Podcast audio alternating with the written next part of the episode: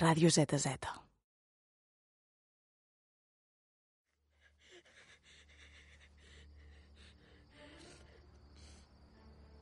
How does the story begin?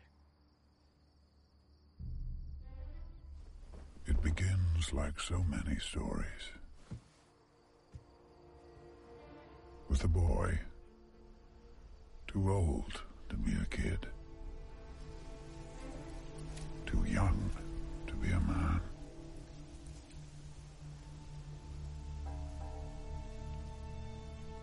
And a nightmare.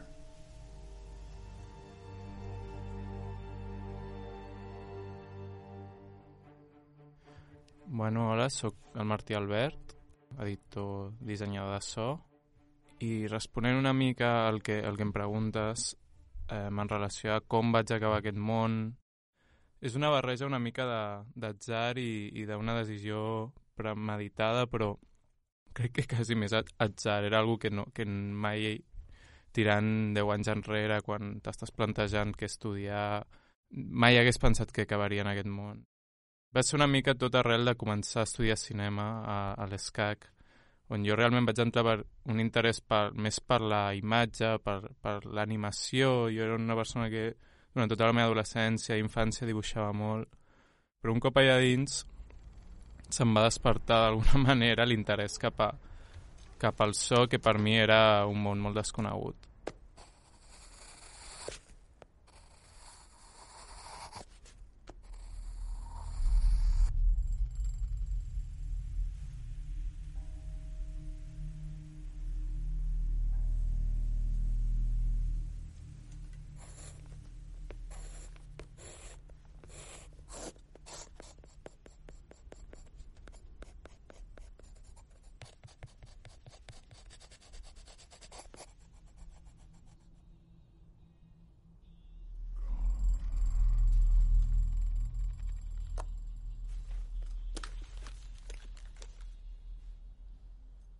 Jo vaig entrar a la indústria, treballar professionalment en el món del cinema i audiovisual amb el projecte Un monstre viene a verme del J. Bayona que s'estava postproduint a, a l'estudi de, de disseny de so, de postproducció de so de l'Oriol Tarragó i el Marbec, que és Coser i Cantar.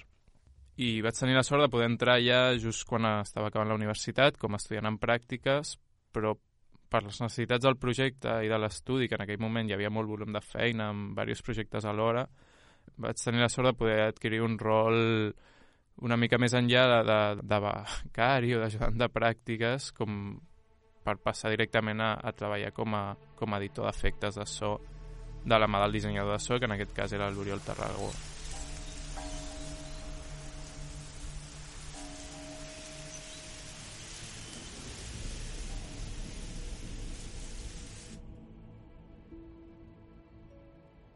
Aquesta pel·lícula, que és una de les pel·lícules més grans que s'han fet en aquell estudi, està formada per un equip força gran, partint de, de l'Oriol Tarragó com a dissenyador de so, on s'elaborava tot el concepte sonor de la pel·li, i eh, dins del seu equip està l'equip d'editors, el Marbec en aquell cas era l'editor principal i després hi havia una sèrie d'ajudants, com era el meu cas, que estàvem editant efectes sota els conceptes que anava dissenyant eh, l'Uri.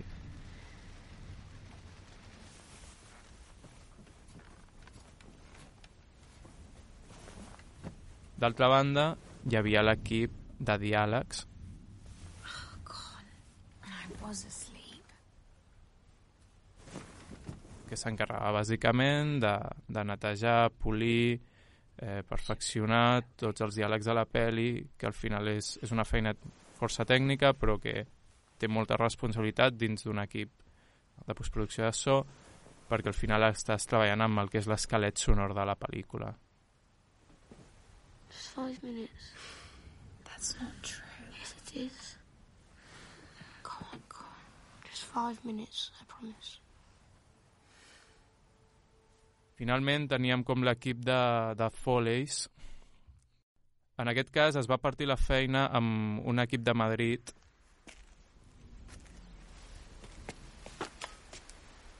podríem dir que des de Madrid es treballava el Foley des de sala, des d'un estudi, eh, com coses més concretes i més complexes com el que són les passes o les robes o tot aquest tipus d'efecte que, que és com el coixí per vestir la pel·lícula però que són imprescindibles perquè els diàlegs també se t'enganxin, perquè tot funcioni d'una manera orgànica.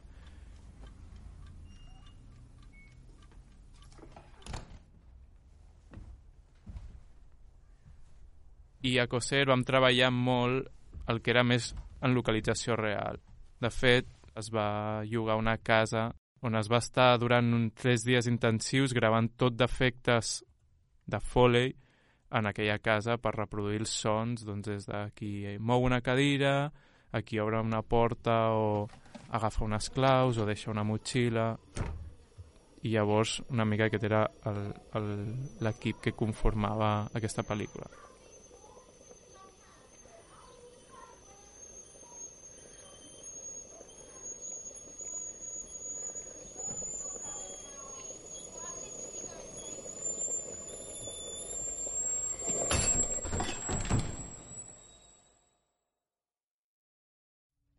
Jo dins de la pel·li de Monster Calls, de Monster Viene a Verme, estava com a editor d'efectes sonors o editor de so i bàsicament en què consistia això era treballar de la mà del dissenyador de so, de l'Oriol Tarragó, treballant els conceptes que ell havia dissenyat prèviament, que segurament s'haurien d'anar treballant al llarg de tota la pel·li i necessitava seguir dissenyant noves propostes de, del projecte, no? El rol que assumim els editors pel dissenyador és entendre el que s'ha dissenyat, el concepte que s'ha creat i l'hem d'assumir i fer-lo nostre per anar-lo reproduint al llarg de, del projecte de la pel·lícula.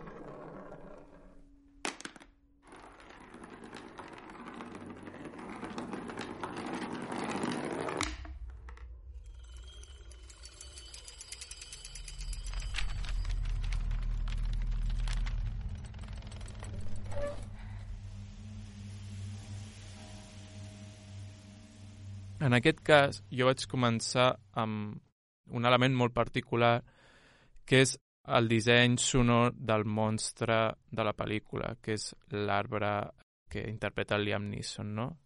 que aborda tota la part més màgica o mística de la, de, del projecte, no? de la imaginació del nen, i que està dissenyat tot per efectes digitals.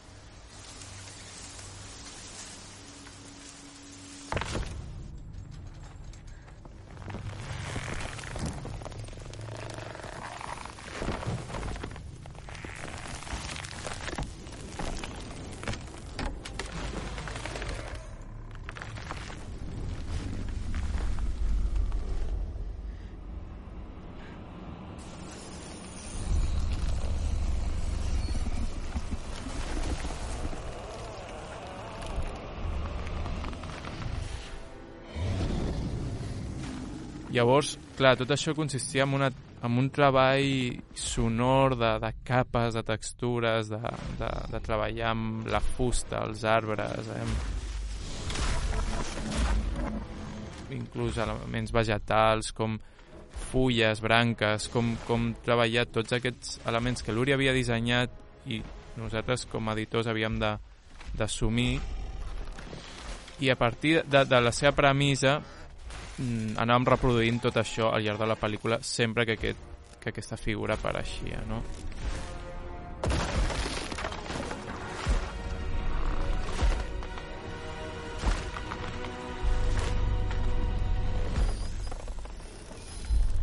I will visit you again on further nights, Connor O'Malley, and I will shake your walls until you wake, and then I will tell you three stories pues això és un procés que, per exemple, en aquests, en aquests tipus de sons que són tan abstractes, no? que estàs treballant en coses que no són reals, que són imaginàries, que són fictícies i que s'han de treballar des de zero, com són els monstres, per exemple, en, en el cinema, doncs al final estàs treballant amb, amb, en conceptes força abstractes de com fas que un arbre soni quan es mou, quan pren vida, no?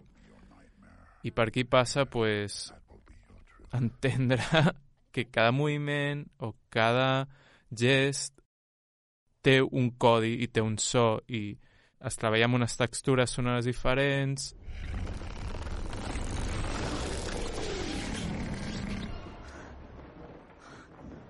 i és com al final una artesania que tu vas polint i que, que respon al que, al que s'ha dissenyat i al que s'ha pensat i al final és un diàleg amb el teu dissenyador.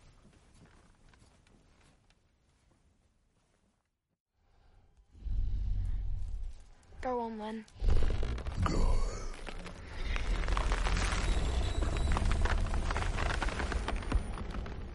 Per dissenyar els sons amb els quals treballaven per dissenyar el monstre de, de Monster Calls, bàsicament la matèria prima amb la, amb la que es va acabar creant sonorament aquest monstre es van gravar eh, tales d'arbres reals per tal de que això ens servís com a matèria prima per anar construint sonorament tots aquests moviments, tot aquest cos, tota aquesta dimensió que, que tenia el monstre i la personalitat al final. I don't get it. Who's the good guy here? There is not always a good guy, Connor O'Malley. Nor is there always a bad one. Most people are somewhere in between. Què ens aportava això? Primer de tot com una riquesa freqüencial des de els aguts de quan s'estava caient fins a quan estava com doblegant-se el propi arbre fins a la caiguda forta i, i, i greu de quan arribava al terra, no?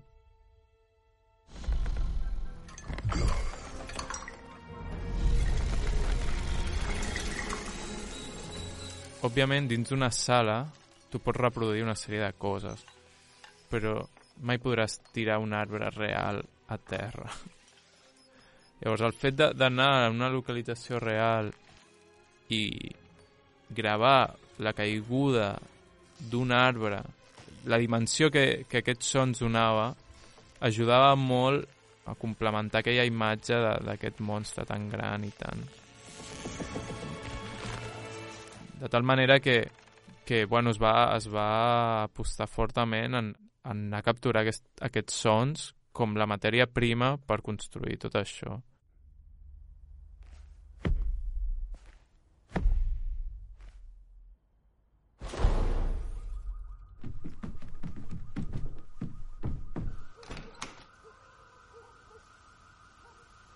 Where are you?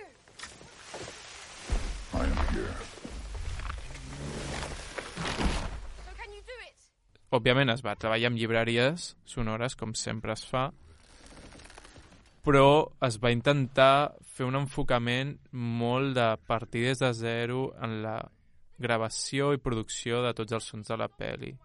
Me'n recordo d'alguna vegada parlar-ho amb ells i d'ells dir-me cre creiem que és la peli més nostra que hem fet a nivell de, dels, del que sona hi ha un percentatge molt alt que és nostre fet des de zero.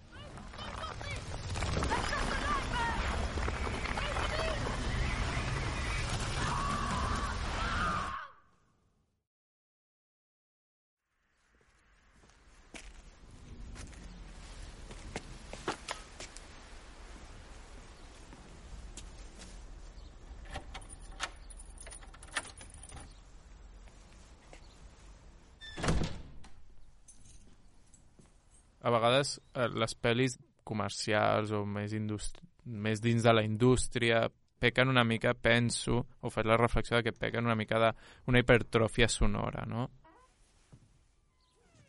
That amazing. Com ara amb el món digital podem ficar totes les capes que vulguem, podem utilitzar no sé quants micros, multicanals, eh? el mateix amb les mescles, no?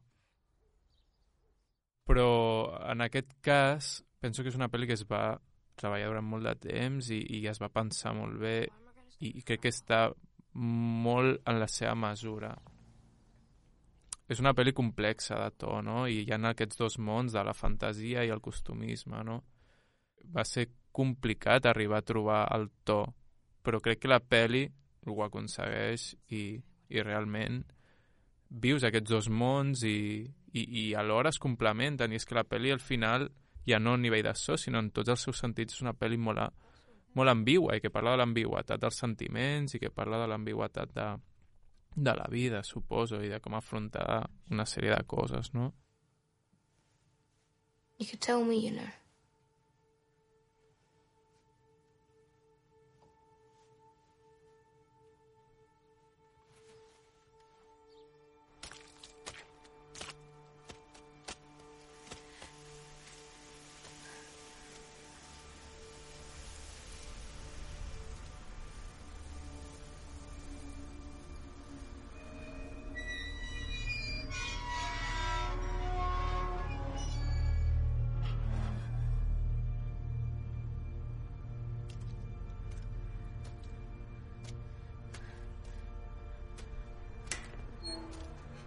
Sigui, una pel·li d'aquestes d'aquestes dimensions que a vegades sembla que, que ja ha de venir tot marcat o ha de venir com tot molt ja s'ha de seguir uns codis, unes línies molt clares i, i, i la creativitat sembla que estigui com molt limitada. Crec que al contrari, són pel·lícules que òbviament estàs movent dins uns codis i unes, uns llenguatges establerts però suposen un repte molt fort com treballar a partir dels codis i com proposar dissenys, eh, conceptes nous respectant el que necessita la pel·lícula, no?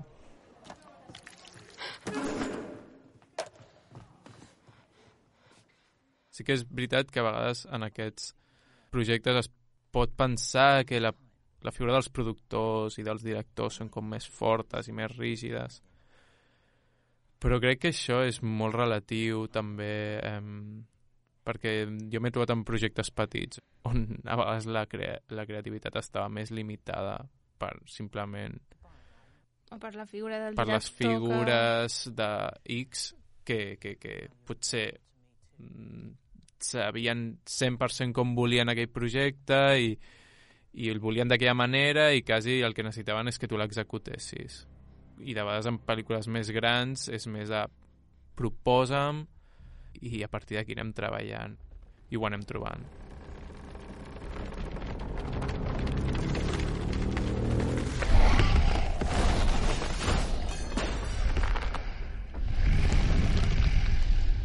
What took you so long? It is time for the third tale.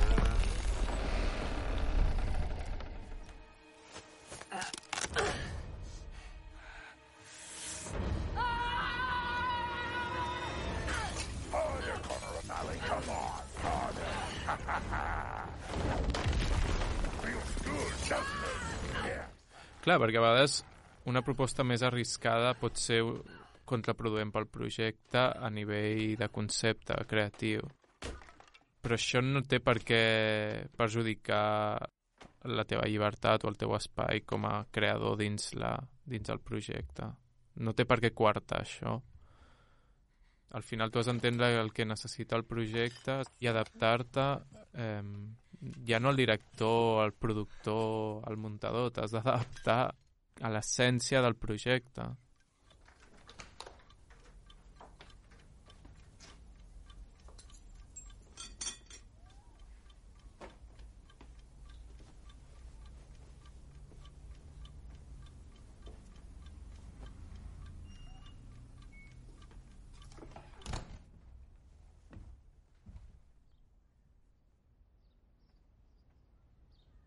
El que m'interessa o amb el que em sento més còmode treballant és en aquells tipus de projectes que et permeten una implicació més enllà del teu departament dins el projecte. És a dir, al final ajudar i col·laborar i crear de la mà del director, del guionista, del muntador, per entendre com realment el cine no com una, una feina, un ofici, un art de departament, sinó com una fusió de moltes coses, el que deia, una fusió de sensibilitats i entendre el cine des de la seva globalitat, el, un projecte des de la seva globalitat. Més col·laboratiu. Més col·laboratiu i més, sí. O sigui, crec que amb el que em sento més còmode a l'hora de treballar és en aquells projectes on on et, se't permet la implicació com un membre creador més del projecte.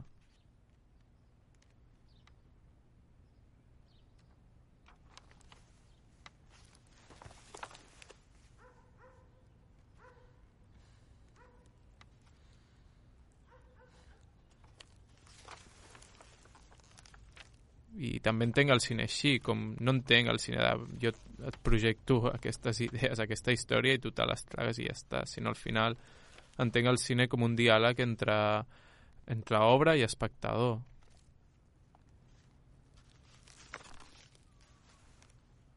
I això ho podem traslladar al procés de creació, també.